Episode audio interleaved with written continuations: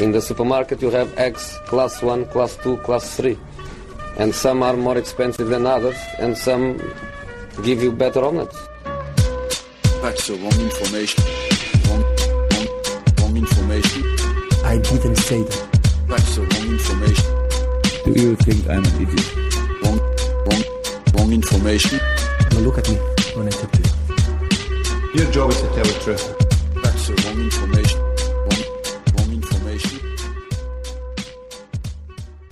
Sillypodden. Eh, Nu har nedräkningen verkligen börjat. Eh, eh, Sex dagar kvar till deadline day. Som ni såklart följer hos oss på Sportbladet i vanlig ordning. Du har koll på veckan idag? Jag har det. Ja, imponerande. Mm, det är torsdag idag. Ja, förberett dig ser jag. jag säger- jag torsdag säger- jättestort Jag säger torsdag, jag säger torsdag i alla poddar så då och då får jag rätt. Även en trasig klocka har ju rätt två gånger per dag. den. Ja. Som de säger.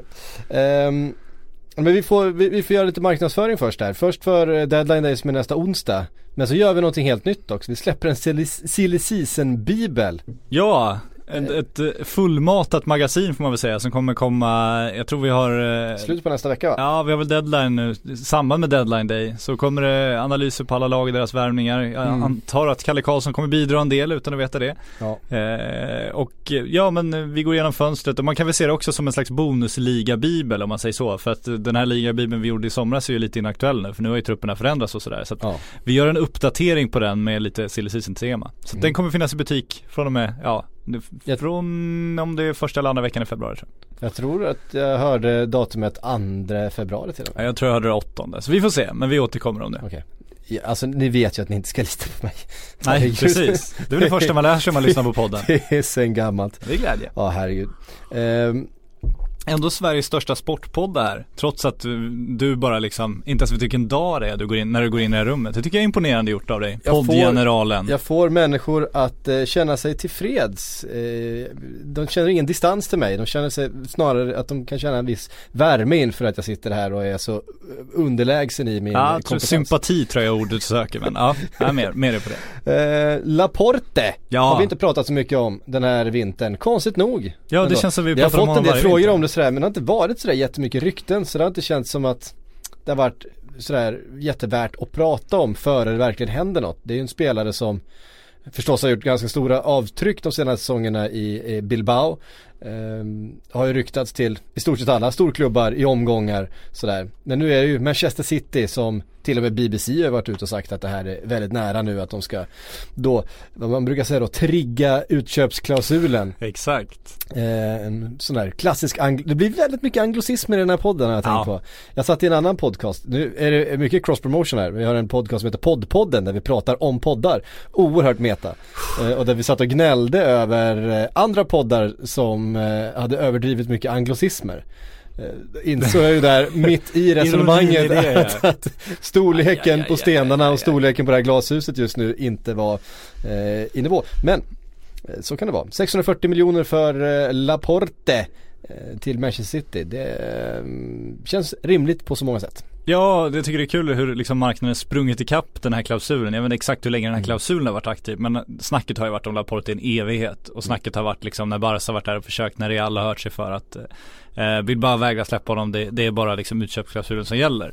Och nu helt plötsligt eh, med en utköpsklausul på 640 miljoner så det, det känns ju som ett rimligt pris för en 23-årig mittback som gjort 160 ligamatcher i La Liga och gjorde debut 2012 och konstigt nog inte gjort några landskamper än men det väntar vi väl också på. Nej och det sjukaste är ju att han skulle bli Manchester Citys dyraste spelare. Ja. Och man tycker inte att 640 miljoner är så jävla mycket längre. Nej, det är, ju sjukt. Men däremot så har man ju fortfarande bilden av att Manchester City har liksom förköpt sig och värvat upp sitt lag. Vilket de gjort. Det är inte så att de har fostrat det De här har laget betalat själva. väldigt mycket för alla spelare. Ja, det är inte så att de har liksom eh, två spelare eh, Nej. som kostat en halv miljard. Det har ju i stort sett hela truppen gjort som har kommit de senaste två, tre säsongerna. Ja, så, men om man då ser tillbaka så har de gjort ganska vettiga köp om man ser till dagens marknadsläge Mm. eftersom de fortfarande inte har någon som kostat liksom mer än 700 miljoner kronor vilket ju känns som Det kommer bli nor- normalt nu men Mm. Ja, men det känns väl som en rimlig prislapp som du säger. Sen får vi se, han har ju fortfarande sina barnsjukdomar kvar Laporte. Eh, han eh, är väl lite Lite svajig ibland i sina prestationer och har väl också blivit känd för en, som en spelare som kanske inte är så disciplinerad. Men eh, vi har ju vetat i, ja men sen 2012 att det finns en enorm potential där och det här är ju sådana saker man brukar kunna gnugga bort så i en Pep Guardiola-skola så kan det bli intressant. det är ju fantastiskt tacksamt att spela back i just Manchester City också för att man behöver ju knappt försvara. Nej så är det ju. När de har, i vissa matcher, vi har ju sett, alltså det var väl en 20 minuters period mot, var det mot Newcastle där de hade alltså ett bollinnehav över 90% Ja. Man aldrig har sett tidigare. Fan vad tråkigt att vara back då också känner man ju. Ja de står där liksom med armarna i kors och pratar om vad de kan ju ha kompani på planen, spelar ingen roll att han kan springa, han kan ju sitta där i mittcirkeln.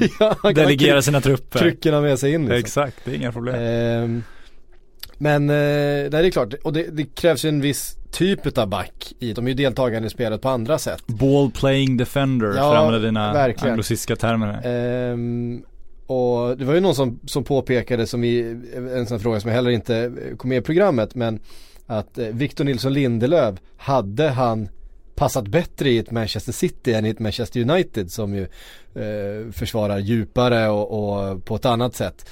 Ehm, ja, det är en intressant tanke. Nu spelar han ju i Manchester United så att det blir ju en, en, en högst hypotetisk eh, diskussion men Men det hade han nog gjort. som, som, eh, som spelartyp så känns det ju som en, en, eh, en sorts back som Manchester City letar efter. Ja så är det. Samtidigt så var det ju den sortens back Manchester United också letade efter. De ville ju ha en kille som kunde ta upp bollen liksom. Och det hittar de ju då så att det finns ju tankar på att eh, kunna spela den sortens försvar där också. Det är väl, när han växer in i det så, är väl, så lär väl han kunna sätta ganska stor prägel på vilken typ av, av roll han ska ha också. Så att det kommer nog i Manchester United där. Sen ska man säga, BBC säger ju inte att det är klart utan de säger att Manchester City nu är, Är på, nära. Ja, är Alltså nära de- att de har bestämt sig för att den här utköpsklausulen är över, överkomlig, att de, de, de kommer betala den. Så att, eh, det återstår ju fortfarande en del och det ska signeras kontrakt och han ska tacka ja och det finns löner och sådär. Så att vi, vi ska ju inte ropa hem det riktigt än. Men när BBC ändå kommer med den typen av upp- uppgifter så brukar det finnas en hel del bakom det såklart. Absolut. Ehm, mer Manchester City då. Eh, Jean-Michel Seri. Ja, han har vi pratat mer om i vinter kan man säga. Ja men det har vi gjort. Ja. Eh, och vi pratade mycket om honom i somras. Eh, Nissfina mittfältare. Eh, som det ryktes då om att både Manchester United och Manchester City eh, rycker i honom. Han ska ha en utköpsklausul på 400 miljoner. Eller 40 miljoner euro. Eh, någonting i den eh, storleksordningen. Eh, men det finns ju ett problem med honom. Han, han är ju allergisk mot köld. Det här, alltså, eh, jag kommer ihåg att vi pratade om det i somras också. eh, Men vi har inte pratat om det eh, sen dess. Han har ju sagt själv i en intervju att, att det finns då ett syndrom som heter, nu ska jag försöka läsa till här, eh, Chilblains syndrom. Som då ger kliande svullnad i framförallt då, så här, fingrar och tår och näsa och öron och så i kallt väder. Ehm, han har själv sagt det här i intervjuer att han, han får då också på grund av de här svårigheterna, han får mycket nageltrång till exempel så att hans skor passar inte när det blir för kallt och han, han har missat matcher sen när det har varit för kallt så att han har själv sagt i intervju att eh, han inte hade kunnat tänka sig att spela, att flytta någonstans där det är kallt och spela fotboll i, i kyla. Eh, Så då är, då, då är ju frågan, då är frågan hur hög, hur högt OB-tillägg ska man då ha för att, för att spela med nageltrång en hel säsong. Därför att det är kallt i Manchester då och då. Ja det är det ju Och jag verkligen. kan säga att Etihad är den kallaste, det har jag också tjatat om, men det är det kallaste jag har upplevt på en fotbollsarena. Alltså, upp, den arenan är så kall. Men det är för att det är öde också så det är ingen som packar ihop sig så det blir Nej, ingen precis, värme det, där. Det blir ingen, den här Det är ping, det blir ingen pingvinvärme på Det läktaren är där. fortfarande ingen som vill titta på det laget vilket ju också är fantastiskt fascinerande. Eh, det går att få biljetter till de flesta matcher dit. Ja, vilket ju, det är ju, det är ju häpnadsväckande på sätt och vis men det visar ju också liksom De har ju byggt för, för den globala marknaden, tveklöst så, så att det är ju helt oviktigt nu för tiden Mer eller mindre hur mycket folk du har på dina matcher egentligen. Alltså det blir så, i, I jämförelse med liksom de pengarna som kommer in från arabvärlden till den klubben så är deras publikintäkter liksom försumbara mer eller mindre. Ja, ja. Vilket ju är rätt sjukt. Hade man ju kunnat tycka att de kunde sänka priserna i sådana fall, men det gör de inte. Nej nej nej herregud. Det gäller att hålla statusen. Ja, men det ska Ja. vara svåråtkomligt vet du, det blir mer exklusivt. Ja, det är väl lite så. Ehm, Nej men så det gör det hela intressant eftersom han själv har, har liksom sagt det här i intervjuer tidigare att han, att han ja, på grund utav den här medicinska åkomman då som han påstår sig ha. Eh, Jag, jag har inte sett några liksom mm, sådär, jag har inte sett något läkarintyg på att han faktiskt har det här syndromet men det spekuleras kring det att han Det är konstigt han att säga det själv- annars eftersom det tar ner hans marknadsvärde mer än någonting annat. Det känns inte som att han hittar på något sånt där bara för att han är lite bekväm av sig. Det tror jag inte riktigt. Nej jag tror inte heller det. Ehm, men eh, det är intressant. Vi ska faktiskt prata Han kan få låna min OS-outfit. Ja, alltså jag har ju valt att inte ta upp det här för jag tänker att jag vill inte, jag vill inte göra det pinsamt för dig men eh, jag vill inte genera dig inför eh, alla våra lyssnare men vi får kanske ta upp det här då när du själv säger det. Patrik har alltså köpt eh, skovärmare.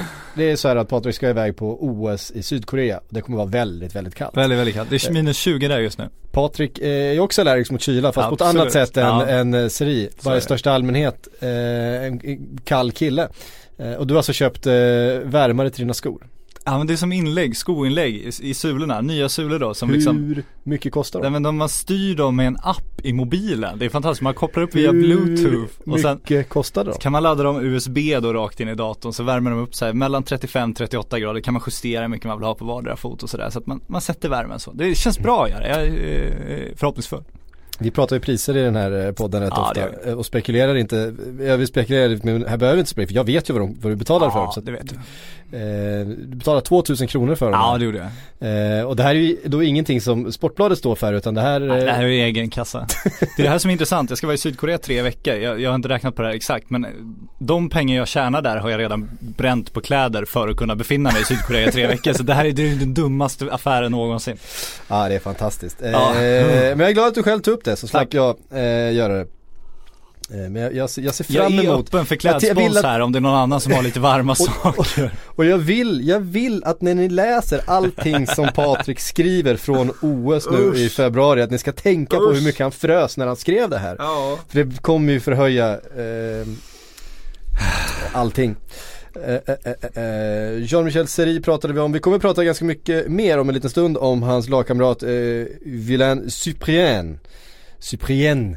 Gud vad du filat på Eh. det här nu alltså. Du har, du har skrivit två av fyra förberedelsetext på det här och fortfarande, ja, ändå inte satt uttalet riktigt. Nej men alltså, jag kämpar ju på med franska det vet jag. Ja, jag vet. Eh, och, eh, nej men det Apropå kommer, det kommer kostnad, en sån här Patrik Syk scout, ska alltså köpa ett sommarhus i Frankrike. Bara det är ju rätt absurt också.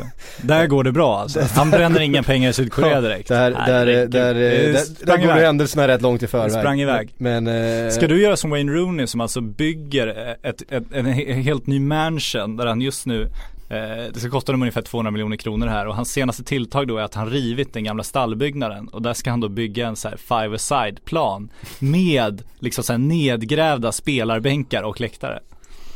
Ja, min, min plan är ju snarare att köpa ett ruckel ute på landsbygden som Ah, inte kostar någonting så jag får Ja. bygga. Eh, jag har ju byggt, Ingen fär- jag, jag, har ju byggt, jag har byggt färdigt där hemma. Ja, då, För, för, alla, för, alla, för alla er som, som tycker att det är jättekul att prata om min altan så är den ju färdigbyggd. All Man plank kan ju liksom slut inte- på man- Bauhaus skog man kan ju inte bygga i all kvar. evighet. Till slut är den ju färdig. Så nu måste man ju hitta ett nytt projekt. Eh, och det är väl eh, det, Vi scouta runt efter något, eh, något billigt trasigt som man kan eh, fixa till. Många sidospår nu, vi ber om ursäkt Ja, för det. jag vet, inte, jag vet inte alls vart vi tog vägen här. Vi ska prata om eh, Cyprien, eh, vi ska göra en scouting-rapport. Ja.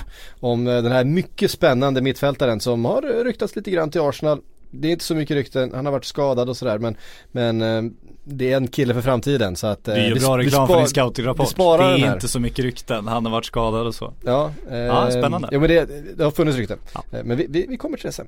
Ehm, mm, mm, mm. Och det är mycket Manchester City.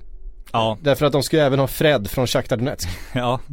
Och Johnny Evans är inte utesluten än heller, men det är Nej. väl lite Nej, antingen kommer, eller Laporte, Laporte. kommer Laporte så tror jag att de struntar i Johnny Ja, Evans. om och då sägs det väl enligt BBC också som, en, som ju är den kanske trovärdiga källan i England att det är Arsenal och Leicester som kommer göra upp om Evans då. ärlig.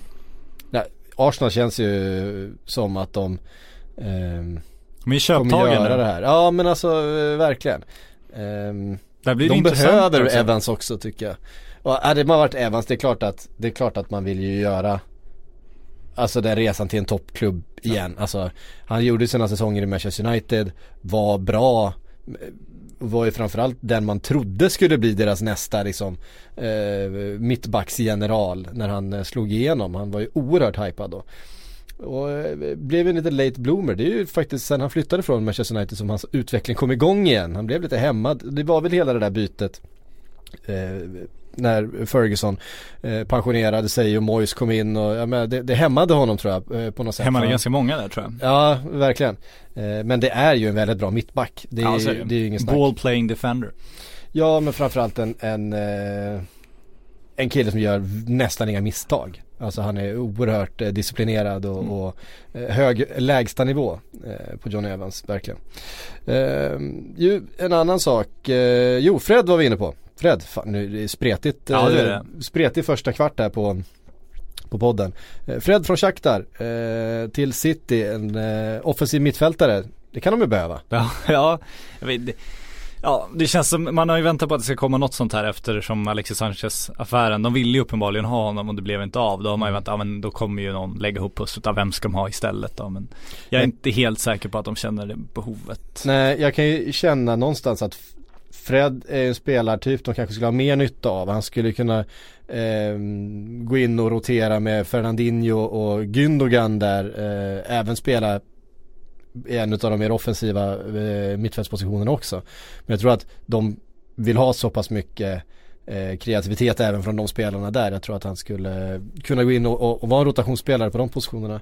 Eh, och det har man ju känt att, att de har kanske mer behov av en eh, ytterligare, alltså någon som ska gå in och peta en Leroy Sané som har varit en av ligans bästa spelare Ja, på nej sin det är inte det de position. behöver. Nej det, det de skulle behöva är ju, ja men dels någon som kan spela anfallare också för att eh, Ja, skadesituationen där, Agüero kan, kan det känns tufft att lita på honom ensam. Ja men nu verkar ju Gabriel Jesus också eh, vara inte på väg tillbaks men han, han eh, kommer ju tillbaks om inte allt för länge. Samtidigt med tanke på hur det gick med hans första säsong och sådär så känns det ju, Mm. ja, det, det finns nog en viss oro för hur, hur bra hans kropp håller för de här påfrestningarna egentligen. Mm. Sen har ju Kevin De Bruyne också varit ute och beklagat sig fel ord för att han, han förstår situationen men, men att han, han har fått väldigt, väldigt mycket ansvar med tanke på David Silvas situation. Ja. Som också är väldigt speciell.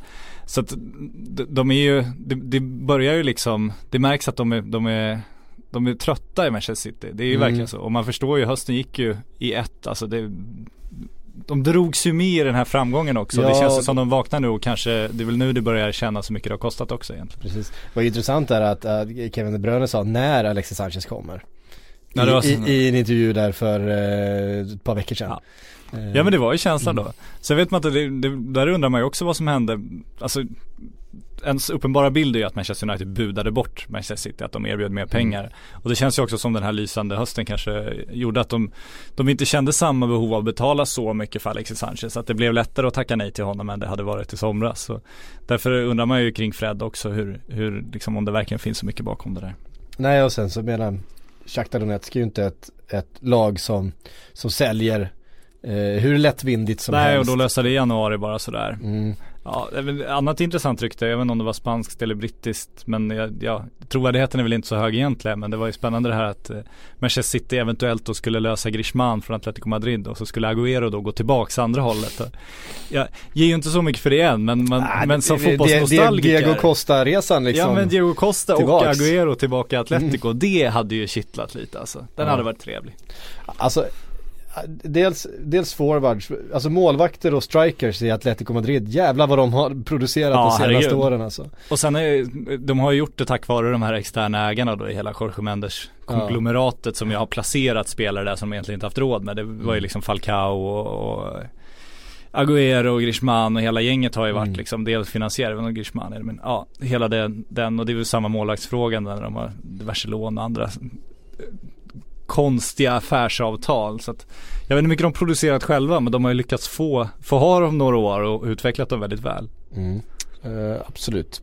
Uh, vi vill säga någonting, vi, vi skojade ju en del om uh, Aaron Lennon när han gick till, uh, till Burnley och sådär. Det vi inte nämnde då var ju att han vi skojade om att han inte log på bilderna och sådär och det är ju någonting separat från eh, hela grejen med, med hans depression och så vidare. Vi vill bara förtydliga, det var någon som hörde av sig att det är verkligen inte det vi skojar om. Vi skojar om specifikt om de här bilderna som ju han själv har pratat om och skojat om. Ehm, Men värt att nämna. men värt att nämna, bara så att ingen, ingen trodde att det var det vi, vi skämtade om, för så var det förstås inte. Eh, Augustinsson Ja, börjar bli mer och mer, ja, La börjar bli, Gasolina. börjar bli mer och mer eh, intressant det här tycker Ja, jag. För ja. att nu har ju Bremen då värvat in en ersättare. Han är inte helt klar än men han har ju sagt att vad kul det att vara här på plats i Bremen. Eh, så att han ska ju genomgå en eh, läkarundersökning. Ehm, Vad heter han då? Har du fått med dig det namnet? Jag har inte fått med mig det Nej. namnet. För det var ju helt ointressant. Nej men det är en 19-åring från Bayern Münchens akademi som, eh, Dina förberedelser alltså, det är häpnadsväckande imponerande. Vadå? Jag, jag pratar om Augustinsson här. Ja men jag är häpnadsväckande imponerande. Mm.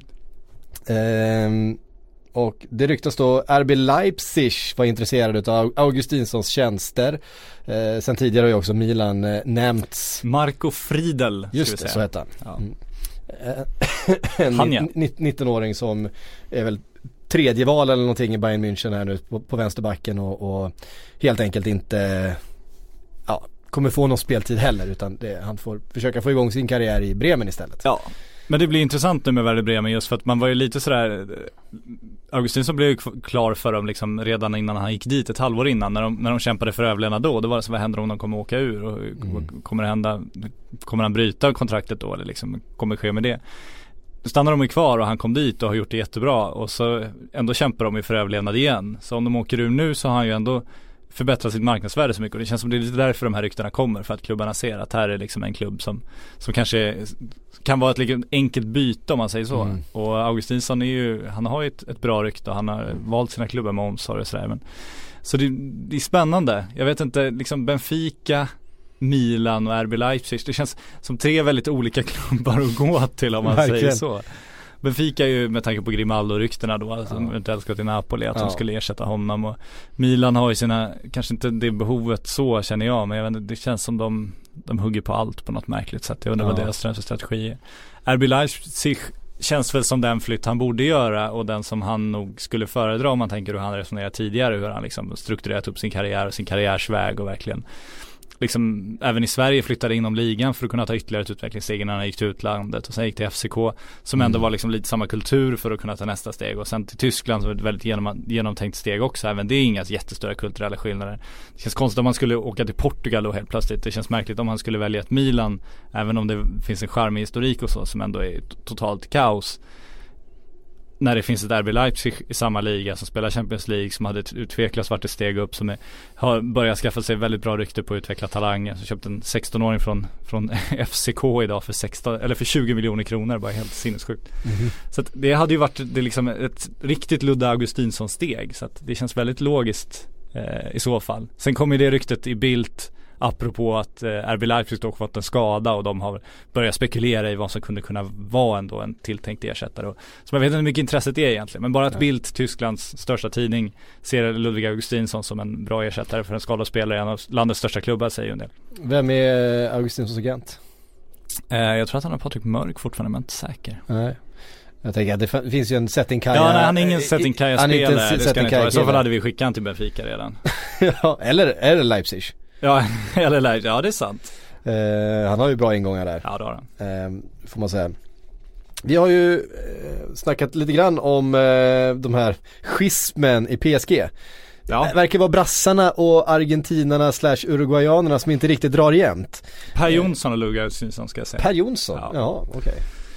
Ja vi får se hur han, eh, hur han sköter sig då. Ja, Eh, kanske kan han vara en sån där agent som faktiskt jobbar för spelaren och inte tvärtom. ja, jag ska inte säga för mycket om Per Jonsson. Jag är tyst och så går vi vidare istället. Eh, Vi gick igenom agenterna förra veckan. Jag, du, du vet min syn på fotbollsagenter. Oh, jag vet. Den är oförändrad. vi, vi kommer prata mer om fotbollsagenter framöver. Ja, spännande.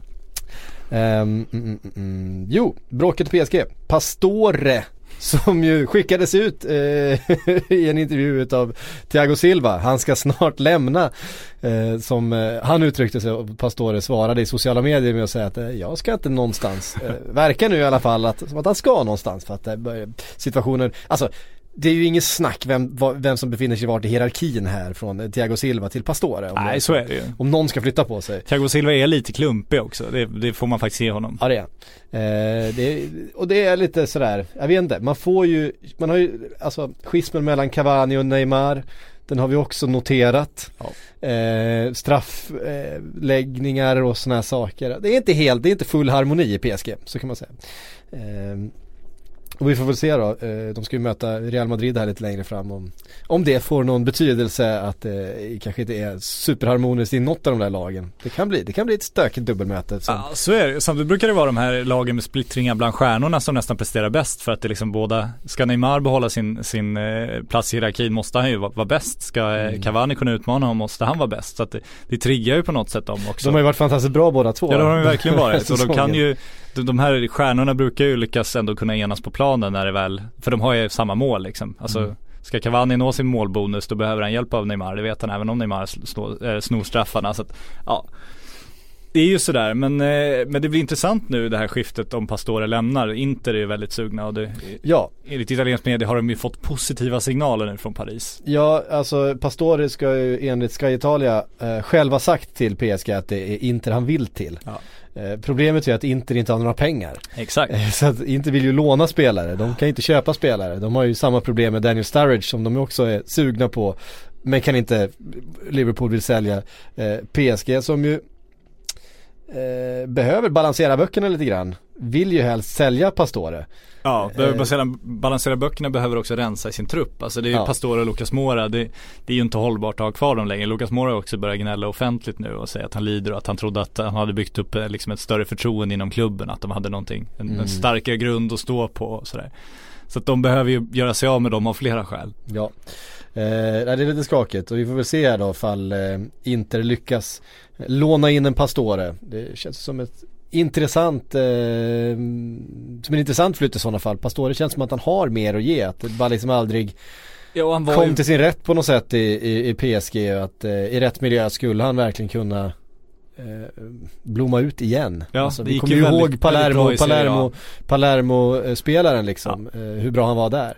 Eh, och kanske ett, ja men Serie A igen, ett Inter som ju har mycket kvalitet i det där laget, ja varför inte? Ja det måste ju finnas någonting kvar i honom också med tanke på hur länge PSG har väntat på att få ut det av honom. Alltså det, det måste ju, det, han kan inte ha varit helt blek på träningen under de här åren om man säger så. Nej. De har ju ändå behållit förtroendet för honom ganska länge. Mm. Eh, Roque Mesa, eh, Swanseas eh, mittfältare som köptes från Las Palmas i somras, eh, på väg att lånas ut till Sevilla. En annan klubb som inte kan betala för sig som vill låna alla Jag är så spelare. trött på det här Inter, Sevilla, Valencia lånkarusellerna just nu, Ja. herregud. Eh, Roque Mesa som ju skulle in och, och Det är som hockeyallsvenskan det här liksom. Fan. och göra det där mittfältet till sitt har ju inte alls eh, varit eh, lyckosam i, i Swansea. Det som är roligast med honom är att han är otroligt lik eh, Raul Julia, skådespelaren. Han spelar alltså Gomez Adams, pappan i familjen Adams. Eh, Så jag satt och funderade, varför tar du upp det här ryktet? Det måste finnas någonting. Ja. Och där kom hela anledningen där till kommer att hela anledningen till. Bara, okej. jag, tycker han, jag tycker han ser skön ut. Ja, Ehm, så är det i alla fall. Eh, och ehm, tillbaks till Spanien med Roque Mesa. japp. Eh, eh, eh, vet ni vad? Nu tycker jag det är dags för eh, scoutingrapporten.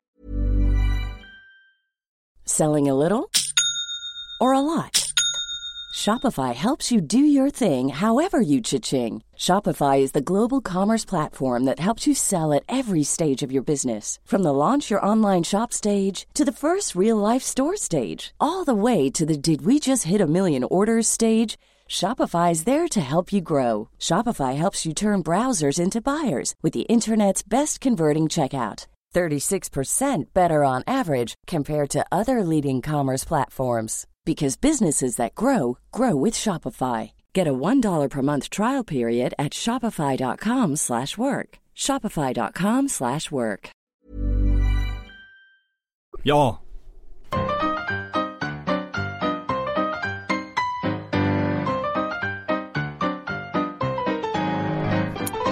Villain Cyprien. Eh, Ja, ett namn som kanske sig. inte alla har eh, stenkoll på. Han eh, har ju bara gjort, ja, inte ens en hel säsong för, för Nice. Han kom sommaren eh, 2016. Han fyller 23 nu om bara några dagar. Eh, född i Guadeloupe. Det uttals eh, frågetecken där. Jag har förhört mig för på redaktionen hur man uttalar det. Men Guadeloupe, eller Guad, ja, Guadeloupe i Västindien i alla fall. Det är sådär franskt departement då va. Inte Lilian Tyrann därifrån tror jag. Är mycket möjligt. Ja, Det det. finns ju några sådana här öar, det är Sankt eh, Bartolomeu och några andra Ja, ja. sådana där öar som ju är franska men ligger där borta. Ja, det känns jävligt modernt. ja. Men fransman i alla fall. Kom till eh, Lans akademi då och värvades 2016 för eh, 5 miljoner euro. Ändå för en eh, 21-åring som bara spelat andra divisionen. En del pengar för Nissan Han var ju ändå en investering. Han hade gjort eh, en jättefin säsong då i andra divisionen för Lans. Eh, gjort väldigt mycket mål. Då var han ju i första hand då en offensiv eh, mittfältare och liksom eh, högerwinger. Och när han kom till Nice så var det där han började. De första matcherna spelade han ju liksom till höger i anfallet och sen blev han höger mittfältare. Sen blev han mer central mittfältare offensiv för att mer och mer då bli faktiskt renodlad defensiv mittfältare. Och han har ju då bildat eh, i vissa matcher har han bildat ett eh, mittfältsduo då med Jean-Michel Seri. Eh, I vissa fall har de varit ett tremanna mittfält och då är det ehm, eh, eh, Cyprien som är då den defensiva i det mittfältet. Det har väl varit väldigt mycket så här att ehm, han har tagit lite grovgörat och låtit Seri då bli mer spelfördelaren och eh, kanske mer poängspelaren. Han lyckades ändå göra åtta mål förra säsongen. Och man tycker då en 22... Paulinho-klass. Ja men en, en 22-åring, eller 21 som han ju var då eh, förra säsongen. Gjorde de här målen, var så pass bra i ett Nice som ju var jättebra förra säsongen. Var ju uppe, slutade väl trea till slut va. Eh, fick eh, kvala till eh, Champions League mot Napoli. De fick ju tufft sånt som de åkte där. Spelar väl Europa League nu. Ehm, men det var ju så att han i mars då, och vid den tidpunkten så var det många eh, franska experter som faktiskt tyckte att Cyprien var den bästa mittfältaren i hela ligan. Alltså bättre än Seri, bättre än Bernardo Silva, bättre än eh, många tror att han var ännu mer lovande. Sådär. Men då drog han av korsbandet på ett väldigt allvarligt sätt. Så att han har faktiskt först nu i januari kommit tillbaka och börjat spela fotboll igen. Eh, ett inhopp och två starter har det hunnit bli nu i januari för Cyprien. Ja, och hur har det då gått? Jo, första starten var mot Monaco, kom tillbaks, då spelade han i en ren nummer 6-roll, alltså då var han eh, defensiv mittfältare eh, med eh, Seri och Pierre-Le Melou framför sig. Eh, den matchen slutade 2-2. Två mål utav Balotelli, det är alltid värt att nämna. Ja, absolut. Andra matchen från start mot saint Etienne eh, slutade 1-0. Vem gjorde målet? Han gjorde frisparksmål va? Ja, Ja. Cyprien skruvade in en mycket vacker frispark och utsågs till man of the match med en sån här who scored rating på hela 8,42 var liksom klart högre snitt på liksom passningsprocent och så vidare än, än alla andra på planen. Så att en så här super comeback, verkligen. Ehm, och det, han är ju en intressant spelare, nu har jag suttit och tittat på den matchen och tittat en del på matcherna från, från förra säsongen. Ehm, att han i den här defensiva mittfältspositionen, han är ju inte den där typiska, han är, han är inte så liten, alltså han är väl nästan 1,80 lång. Eh, men han är ju framförallt en tekniker och väldigt duktig på små ytor, jättefina passningsfötter, kan dribbla, ta sig fram. Eh, känns lite som en så här box till box, men inte eh, kanske den där tempospelaren som löper upp och ner fram och tillbaka som man tänker en, en eh, Eh, Kanté, alltså han- en, en mer teknisk spelare egentligen. Så han är ganska intressant på just den här positionen för han skiljer sig lite grann från andra defensiva mittfältare som vi pratar mycket om. Eh, just eftersom han har han är väldigt svår att ta bollen ifrån för att han har så oerhört fin teknik. Eh, och sen är han ganska stark i kroppen, han är väldigt atletisk och, och täcker stora ytor. Så På det sättet är han ganska lik Kanté, att han, han jobbar väldigt hårt, täcker väldigt sto, stora ytor. Eh, inte lika vass bollvinnare som Kanté men det är typ, det är ju ingen som är. Eh, Men om man ska jämföra med bara med, med någon defensiv mittfältare då. Så, eh, väldigt intressant spelartyp, eh, väldigt intressant profil. Men finns en varning kring Oj. honom också. Eh, han har precis kommit tillbaka från skada. Igår kom beskedet att han dragit på sig en ljumskskada och blir borta i tre veckor. Så att, mm, vi gjorde, förra scoutrapporten vi gjorde var om Malcolm och vi konstaterade att han inte varit skadad överhuvudtaget i sin karriär. Eh, här har vi en kille som redan har en jätteallvarlig knäskada bakom sig och dessutom verkar ha strul med en ljumske. Vilket Eh, knäskadan, ofta när du kommer tillbaka från en skada så får du ju den typen av snedbelastningsskada direkt. Ja. Det är ju inte jätteovanligt. Så Det är inte jätteovanligt. det, Men vi får se. ja. Eh, så att om eh, ni blir sugna på att se honom in action då så får ni vänta några veckor. Eh, det är inte lönt att ratta in Mets mot Nice till helgen. Kan man ändå göra. Det kan man göra ändå. Man kan titta på Balotelli. Ja. Eller på Seri för den delen. Spännande om man ska, just det här franska utbildningssystemet som har blivit lite lite populärt nu med tanke på vilket landslag de har för tillfället. Det är ju spännande, om man bortser från det här Claire Fontaine och allt det som ofta Mm. pratas så mycket om, så är, så är det ju inte ovanligt i Frankrike att du liksom, du börjar inte, den största talangen hamnar inte i Monaco eller PSG omedelbart, utan Eh, han går ofta till en Ligue 2-klubb, kanske Mm. inte den största talangen, men stora talanger. Alltså de, de, är inget, de är inte rädda för att, låta spelarna gå till en sämre klubb först och sen så är de här sämre klubbarna inte heller rädda för att släppa dem till en bättre klubb inom landet till en rimlig kostnad. Thomas Lemar har också gått liksom samma väg fram. Där tycker jag det är rätt intressant om man jämför med England. Det, alltså, har du en stor brittisk talang så kommer han till den största klubben när han är 14 år. Mm. Och sen så lånas han eventuellt ut till sämre klubbar. Mm. Eh, men det blir ett helt annat utbildningssteg och skulle han hamna i en, en lite mindre klubb då, då kommer de kräva så sinnessjukt mycket pengar de här större klubbarna för dem för, Mm. att- för att släppa. Så den utbildningsstegen är helt död i England liksom. Samtidigt som den visar sig så otroligt framgångsrik i Frankrike just nu. Ja precis och tittar vi på spelare som faktiskt har gjort det tvärtom i England så har du en Dele Alli till exempel som ju stannade i MK Dons den där extra säsongen och sen tog steget till, till Tottenham när han var redo för det Ja. och var ju bra direkt. Eh, Ryan Sessegnon blir intressant att se Ja, nu absolut. i, i Fulham som ju har fattat beslutet att stanna i Fulham istället för att gå och bli andra tredje val i en stor klubb och bli utlånad någonstans och så vidare. Men det är Eh, just det här problemet, de, annars, de pratar ju väldigt mycket om det i Storbritannien, att, att reservligan är för dålig. Så att de här bästa spelarna som de största klubbarna vägrar släppa, de, de får ingen bra matchträning. Så de vill ju precis som i Spanien då ha in sina reservlag i systemet istället. Så de kan ha ett, ett Manchester City B som spelar i liksom League One och så får de bra matchning. Och det finns ju starka kritiska röster mot det, för det urvattnar ju de ligorna och de håller man ju verkligen med om. Mm. Men det, ska man se utvecklingsmässigt så hade de nog mått bra av och, och kanske Alltså våga, behöver inte köpa de största talangerna utan låta dem stå på tillväxt och, och köpa dem senare. Mm. Och det är mycket upp till de största talangerna och framförallt till deras agenter som vi ibland pratar om i den här podden. Och kanske att man kanske inte ska ta det där Manchester United-kontraktet när man är 14 år utan det är kanske är bättre att, att, att ha självförtroende nog och veta att det kommer komma när jag är 20 eller 22 för att jag är så bra fotbollsspelare. Mm. Ehm, och eh, just när det gäller Cyprien då så var det intressant för jag såg en, en diskussion om honom eh, där det faktiskt pratades mycket om, om Seri och hur han har sjunkit i kvalitet sen Cypriens skada. För han har ju inte alls varit så bra den här säsongen. Det kan ju också ha att göra med att han blev liksom sur för att han inte fick gå till Barcelona i somras och det har spekulerats mycket kring det då.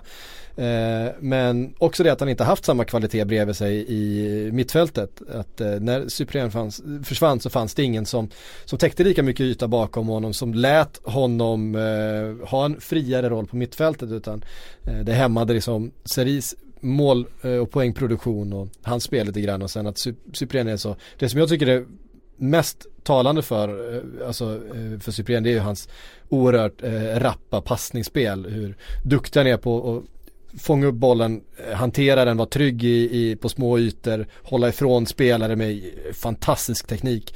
Och sen hitta det där spelet, alltså snabbt ett, två tillslag trots att det är väldigt, väldigt eh, trångt, nästan lite ehm, eh, Luka Modric-aktigt sådär att eh, du har en spelare på mitten som bara håller igång tempot i passningsspelet fastän att motståndarna hela tiden försöker stänga ner dig. Så är du så skicklig på små ytor att som en defensiv mittfältare att du blir referenspunkt hela tiden att du suger in allting och får vidare. Och det ger liksom medspelarna runt omkring dig bättre ytor. Att han hela tiden får fram bollen dit. Och det, eh, det var så diskussionen var. Det, det gynnade Sirius så oerhört mycket när Cyprien spelade bredvid honom. Ehm, och då växeldrog de lite grann när de spelade i tvåmanna mittfältet där. Växeldrog lite grann och turades om att vara defensiv och offensiv. Båda två har ju ganska liknande kvaliteter kan man säga. Men mer och mer ju längre säsongen gick då fram till skadan så blev det mer och mer så att eh, Seri fick en friare roll eh, på mitten och Cyprien tog det mer defensiva jobbet och täckte större ytor och stängde ner motstånd och sådär. Så där fick ni en eh, scoutingrapport på Villain Cyprien som, vi ska säga det att han eh, har ryktats till Arsenal. Gjorde under förra säsongen, det kom igång nu igen när han kom tillbaka och började spela igen. Eh, men det är klart att en, en skadebenägen fransk mittfältare, Ah, det har ju, det har ju. Arsène Wenger Ja. eh, eh, svårt att tacka nej till. Så är det. Som en krockad fransk småbil, det är sånt han uppskattar. Sånt gillar han. Ja, hoppas ni eh, var eh, hyfsat nöjda med den. Vi har ett par svenska rykten att ta upp också. Pontus Dahlberg till Mm. exempel från IFK Göteborg. Eh, till Watford, lånas tillbaks till eh, IFK Göteborg resten utav den här eh, säsongen. Engelska säsongen då, han stannar ju fram till sommaren då i, i Göteborg. Sen ska han väl iväg och göra försäsong med Watford är det väl tänkt. Ja, och här blir man ju kluven. Man blir ju det. För att Ja. jag, IFK Göteborg, är desperat behov av de här pengarna. Det pratas mellan 35-40 miljoner Ja, kronor. Det är De jättemycket pengar. Ja, och de måste verkligen ha dem. De har, de har jätteproblem, de har väldigt svårt att finansiera sina, sina eventuella spelarköp. De, de Tokelo Ranti bland annat, så hade- var inte ens nära hans liksom, lönekrav och sådär. Så de behöver pengarna. Behöver Pontus Dahlbergs karriär att han skriver på för en Premier League-klubb när han ändå ska spela kvar i IFK Göteborg? Vad, vad är poängen med det egentligen? För om man bara ser till hans egen karriär, vad, är- hur blir utvecklings, alltså varför ska han tillhöra dem när han ändå ska spela i IFK Göteborg? Kommer Pontus Dahlberg vara redo att spela Premier League till sommaren? Låter det vara osagt men det känns ju inte som det, det, det är skriande utropstecken där. Är Watford rätt klubbadress att gå till som målvakt just nu? Alltså, det, det är så många frågetecken här. Jag är så, så otroligt kluven kring det här. Man förstår ju att, att eh, det är lockande för en 19-åring och det kommer en Premier. League-klubb och det är svårt att tacka nej och så vidare. Men, men vi vet ju vad Watford är för klubb också, hur mycket spelare de har och de har sina utbyten och, och en eh, väldigt hög rotation och ehm, vem är första, står helt still vem som är första keeper i, i, i Watford just nu, spelar ingen roll. Eh, det är klart att han inte är Premier League-mogen.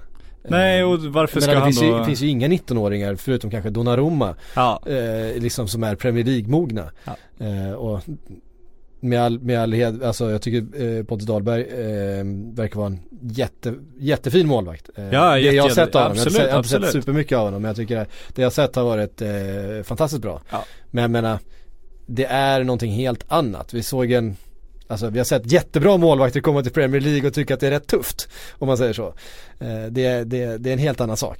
ja det, det blir så här, alltså, det finns ju de här för när Svante Ingelsson drar till Serie A och man bara vill liksom skjuta sig själv för att liksom, alltså du har gjort Han skulle väl liksom bli kvar där nu också så. Ja, låneaffären till Serie B gick ju stöpet så att han lär väl bli kvar men Ja. man förstår, det där kommer liksom inte gå, det ser ju alla, jag förstår inte varför och det är så lovande och gör en säsong till i Allsvenskan, gå till med, alltså gör något annat. Pontus Dahlberg är ju liksom, han är ju tillräckligt bra för att lämna Allsvenskan, det är ju ingen snack om den saken. Han har gjort ett avtryck i Allsvenskan men är det så bråttom till Premier League just då? Och när det blir de här 35-40 miljoner kronor, det är jättemycket för IFK Göteborg såklart men det är ju ingenting för Watford. Nej. Så de, det är ju inte så att de kommer tänka om, om, om ett år om Pontus Dahlbergs utveckling är ju inte gjort att honom till första keeper är. Men det här, var en, det här var en tung investering vi gjorde. Det här måste vi ha liksom, det här är en långsiktig plan vi har för det här. Utan för dem att slänga 40 miljoner kronor på en, på en stor talang, det är ju verkligen så här, ja men ja, vi köper honom så blir han bra, så blir han bra, blir han inte bra, så blir han inte bra, då är det inte Nej. vårt problem. Och de får liksom. tillbaks pengarna för honom. Förmodligen. Ja men typ. Ja, ja det lär de ju få. Så ja. Att, ja, så det, jag, ja, jag skulle vara förvånad om han står i Premier League nästa säsong och ordinarie första keeper. Och om han inte Det är kommer det, han inte vara. Nej, och om han då inte är det, är det ett bra utvecklingssteg? Ska han bli utlånad igen? Vad är tanken med det? Vad är den långsiktiga planen? Åt den vill man verkligen höra. Mm. Och det är återigen, den brasklappen ska man alltid kasta in. Det är självklart jättelätt för oss att sitta här och tycka att någon inte ska skriva på för en Premier League-klubb och få hur mycket pengar som helst. Det är klart att det lockar hur mycket som helst. Men om man bara ska se karriärsutvecklingsmässigt så finns det ju så många frågetecken. Ja, och, men det kanske också är så här att Watford har sagt att men vi, har en, vi har en plan för dig. Vi har en utlåning Ja. på två år till någon av deras samarbetsklubbar.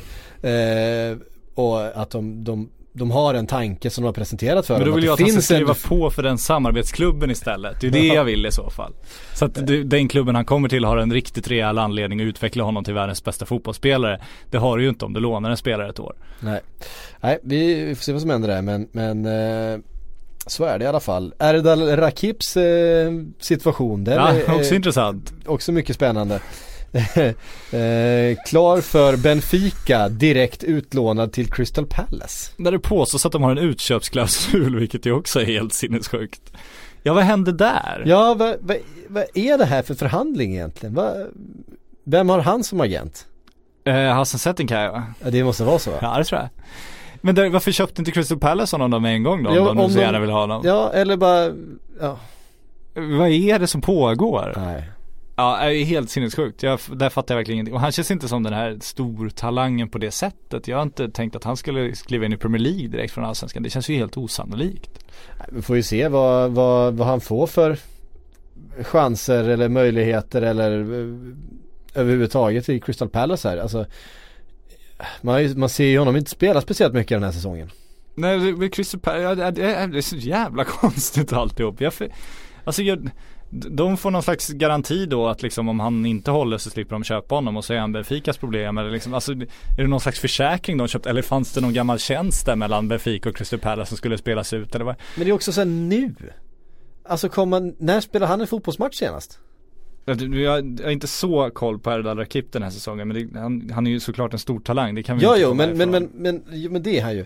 Men jag menar eh, Jag vet inte, det är inte så att han kommer ifrån eh, att han har högt matchtempo i kroppen Ja, han är inte och- fullt och, i säsong, nej och han ska rakt in i Crystal och Palace så ska han liksom ja. rakt in där och, och, och göra någonting, alltså vad är deras tanke? ja.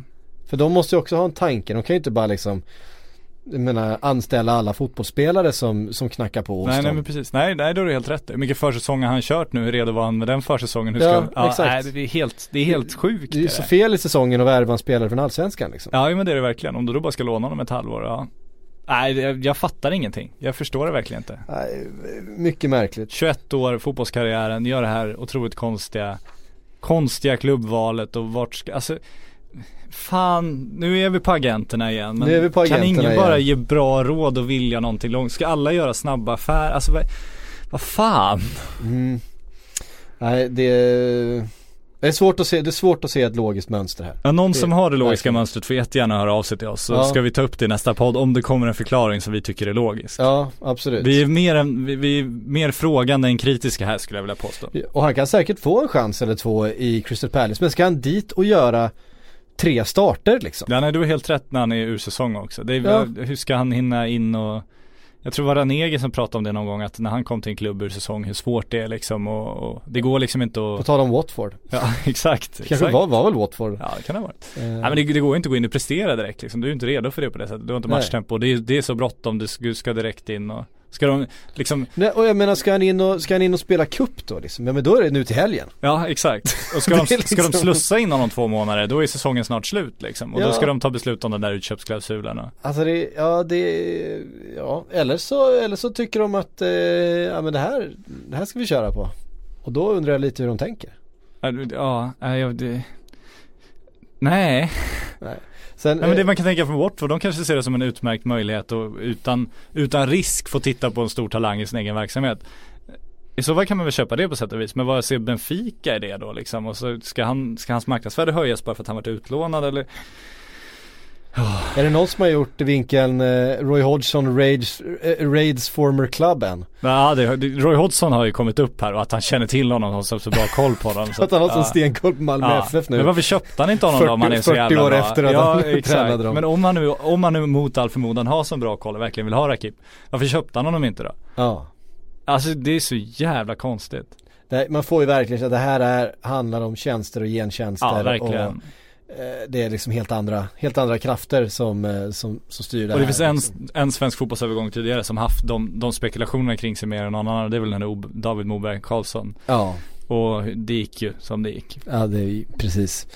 Där ställer man sig ungefär lika frågande och sen så fick man inga som helst svar under tiden han Ja. var där och sen så det tillbaks. Men vi kan väl glädja med att Uefas president Alexander Seferin lovar att rensa upp agentmarknaden nu. Det ska in tak på hur stor provision de får ha. Eh, Det ska in Mm. förhoppningsvis in ett licenssystem och Så ja, det, licens, alltså li- licensen måste ju komma tillbaka. ja det måste tillbaks, det måste in ett tak på provision för att det kan, det finns in- ingen poäng för fotbollsklubbar att inte ha det och de kan besluta om att ha det. Det, det finns väl EU-regler som eventuellt kan sätta stopp men han menar att det ska gå och kringgå dem. Så det, det skulle ju vara bra för alla utan fotbollsagenterna och jag, jag skiter fullständigt vad som är bra för fotbollsagenterna för du ska inte kunna ta ut 110 miljoner kronor på att flytta en snart kontraktslös Alexis Sanchez mellan två klubbar i Premier League. Det, det, du, du är inte värd de pengarna för den affären. Verkligen inte. Eh, vi har fått eh, massa frågor som vanligt. Vi kan ju börja med en som kom i mejlen från eh, Tommy Ketola. Ehm, han skriver eh, Roma är i behov av pengar och har en spelare som eh, väldigt många lag är slash bör vara intresserade av. Nainggolan. Det gick rykten om Kina med sina pengar men inget mer eller har jag missat något? Han borde vara en dröm för många klubbar. Han verkar tycka att det är väldigt kul i Roma. Ja, han verkar ju trivas. Han eh, kan ha sina masker, han kan röka sina cigaretter och han kan ändå komma undan med det. Så. Ja, det pratades lite grann om Chelsea där eh, med Ja, att Conte skulle vilja ha in honom ehm. Men sen har det inte varit så mycket mer ju, det har ju pratats om Kina då eh, Jag tror att åldern, priset hans Profilen. bristande vilja att flytta Hans- på sig. hans- hans han är inte jättesugen verkar det som. Nej. Han trivs ganska bra. Lite hans inställning till en flytt. Jag tror att det är lite för många sådana där eh, frågetecken som gör att eh, spelare eller att, att eh, klubbar och agenter och så vidare inte riktigt tror på det. Eh, att, det ska, att det ska finnas en tillräckligt gynnsam lösning för en, en stor engelsk klubb är det väl i första hand som det skulle handla om. Eh, så därför tror jag att eh, för Roma behöver ju sälja spelare och kommer sälja spelare. Men eh, och de skulle väl vara jättenöjda om de fick in 400 miljoner för att skeppa Nainggolan till Kina. Eller ännu mer, du pratar om 600 miljoner Ja, då ska du nog upp där. Ja, men det är väl det där Eh, att, jag, i min, Samtidigt måste de ju ha kvar någon som kan spela fotboll också. Exakt, och i min drömvärld så stämmer det här att han vill stanna, att han trivs väldigt bra i Roma. Och om Mm. det stämmer så är det väl en jävla poäng att ha kvar den spelaren som Han trivs så bra inte, han kommer ju inte undan med sånt här leverne i någon annan Nej, han gör ju inte liksom. det, han vet ju om det också Ja. förhoppningsvis. Ja. Eh, Det är knappt- Kina kan nog göra vad fan han vill, har jag en knappt- känsla av. Ja precis, det är knappt han kommer undan med det i Roma. Nej, så är det ju. Men, eh, men de förlåter ju honom ändå till slut. Ja. Jag har svårt att se honom göra samma sak spelandes för Chelsea under Conte. Eh, Då finns ju risken att, att eh, han inte spelar överhuvudtaget sen. Eh, Ja, vi får se. Men, men just när det gäller Roma så har vi pratat jättemycket om alla spelarna som de försöker avyttra då. Det är Dzeko i, framf- i första hand nu som det pratas om. Och vi får väl se vad som händer där med Chelsea igen då.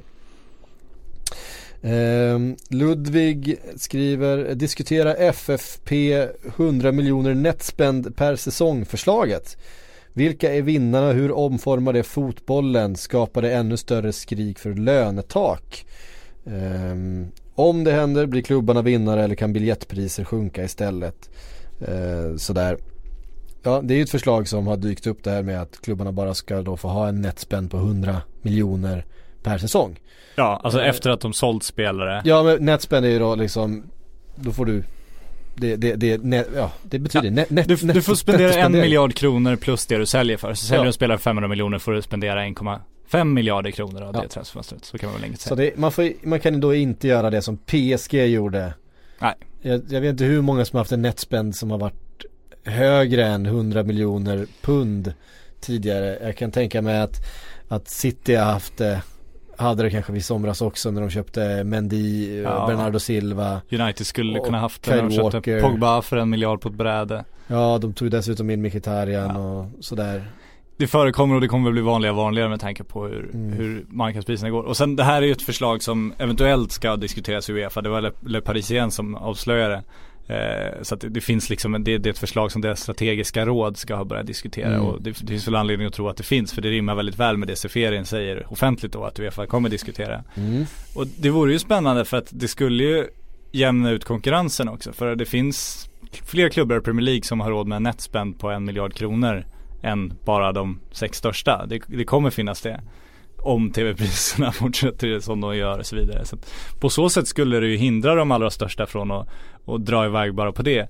Sen då måste du ju in, som Ludvig också är inne på med ett lönetak. Det pratas om att det ska finnas en, lön, en lyxskatt på löner då i Seferiens förslag. Att om du spenderar över en viss summa, jag vet inte om det ska vara räknat mot omsättning eller om en viss fast summa då som det här är räknat på. Så kommer du få skatta mer och mer och mer och mer och mer ju mer du kommer över det där. Till vem? Till Uefa då och då ska de pengarna Såklart. antingen, antingen gå till deras rivaler eller till Uefas då liksom mer välgörenhetsarbete och den breda fotbollen och så. Vilket man ju gillar. Så att, men det måste ju enligt lönetak för annars skulle de ju bara ha netspend, ja och så, och så flyttas ju bara pengarna då från klubbarna till spelarna. För att de då får mycket mer, för då kan du konkurrera med mycket högre löner. Det är det Manchester City och de, eh, framförallt Manchester United med högre omsättning skulle göra. Sen måste de in med ett agenttak då också för annars kommer man ju muta agenterna då för att få de här spelarna. Så att det måste in tak överallt i så fall. Skulle de ta in tak överallt då är det ju en spännande tanke för att det, det jämnar ju ut liksom konkurrensen på spelarmarknaden samtidigt som det, storklubbarna inte behöver vara så oroliga utan för de kommer ju fortfarande kunna konkurrera med sina namn och sin status och sina Mm. titelchanser. Så att jag tycker att det låter som ett, ett väldigt lockande förslag och jag gillar också att man inte bara räknar på omsättningen för att då har vi ju sett att då, då fuskar du med sponsoravtal och då kommer Ja, de här nationerna exakt. in och pumpar upp med sina flygbolag och sådär.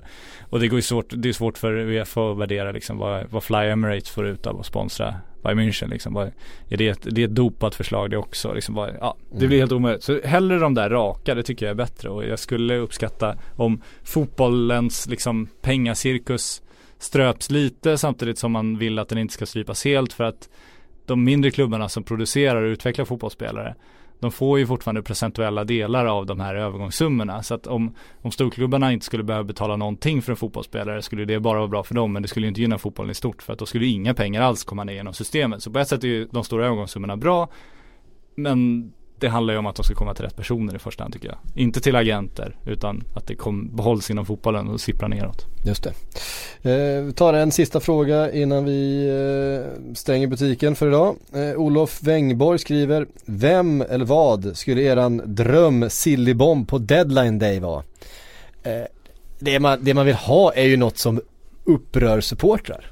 Absolut, herregud. Det är ju, det är ju drömmen. Ja, Man vill ju att en spelare som antingen supportrarna tycker är för dålig ska värvas till för mycket pengar till Ja. något, något utav storlagen. Jag tänker Liverpool eller Ja, Arsenal eller eh, Alltså en, en Andy Carroll till Chelsea. Eh, Det vill man ha, eller en- Som det blir mycket reaktioner på. eller en Kim Källström till Arsenal liksom. Kim Källström till Arsenal eller men drömmen är ju liksom att Arsenal missar Aubameyang, har total forwardspanik, det återstår några timmar, de ringer Niklas Bentner i Danmark, det, eller i Norge. Det, är- det är liksom, det är, den- det är den ultimata drömmen. det finns, det finns ju en sån här, en spelare just nu som pratas lite grann om att han är till salu eh, och det är eh, eh, Rondon i West Bromwich som Ja. inte haft någon bra säsong men som gjorde jättemycket mål i, i Ryssland han spelade där, eh, kom för mycket pengar, eh, har ju liksom kvaliteter förstås som ja, absolut eh, större klubbar skulle kunna ha någon slags nytta av. Men man ser ju att så här, du vet, Aubameyang, Aubameyang, Aubameyang,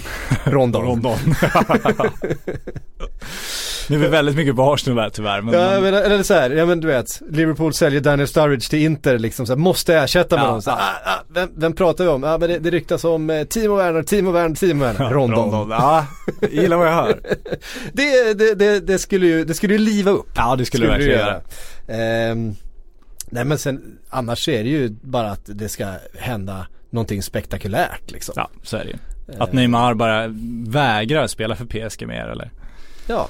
Det kommer inte hända men. Ja, Nej. nej, men eh, absolut. Det- Aubameyang ska ju bli intressant också för det, det kan ju bli en intressant deadline day just med tanke på vart de står Mm. nu. Att, att Dortmund då enligt de tyska uppgifterna fortfarande vill ha sina 70 miljoner Mm. euro och Arsenal då har höjt från 50 till 58 miljoner euro.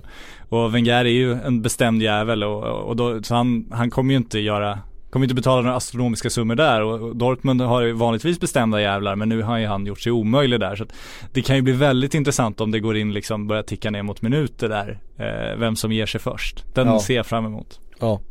Mm, Och så mm, kliver mm. Bentner in när det, när det är stöp Ja precis, men vi har både Aubameyang, vi har också Dzeko tycker jag också är, Ja. är någonting som vi eh, hoppas drar ut på tiden här till, Ja. eh, till Chelsea. Och Johnny Evans Och Johnny Evans. Ja, Absolut. Laporte, Laporte, Laporte, Laporte, Johnny Evans. John Evans. Eh, tack för att ni har lyssnat. Vi är tillbaks på måndag igen.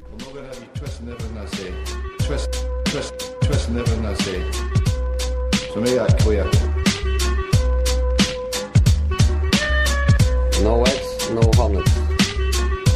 För mig är queer.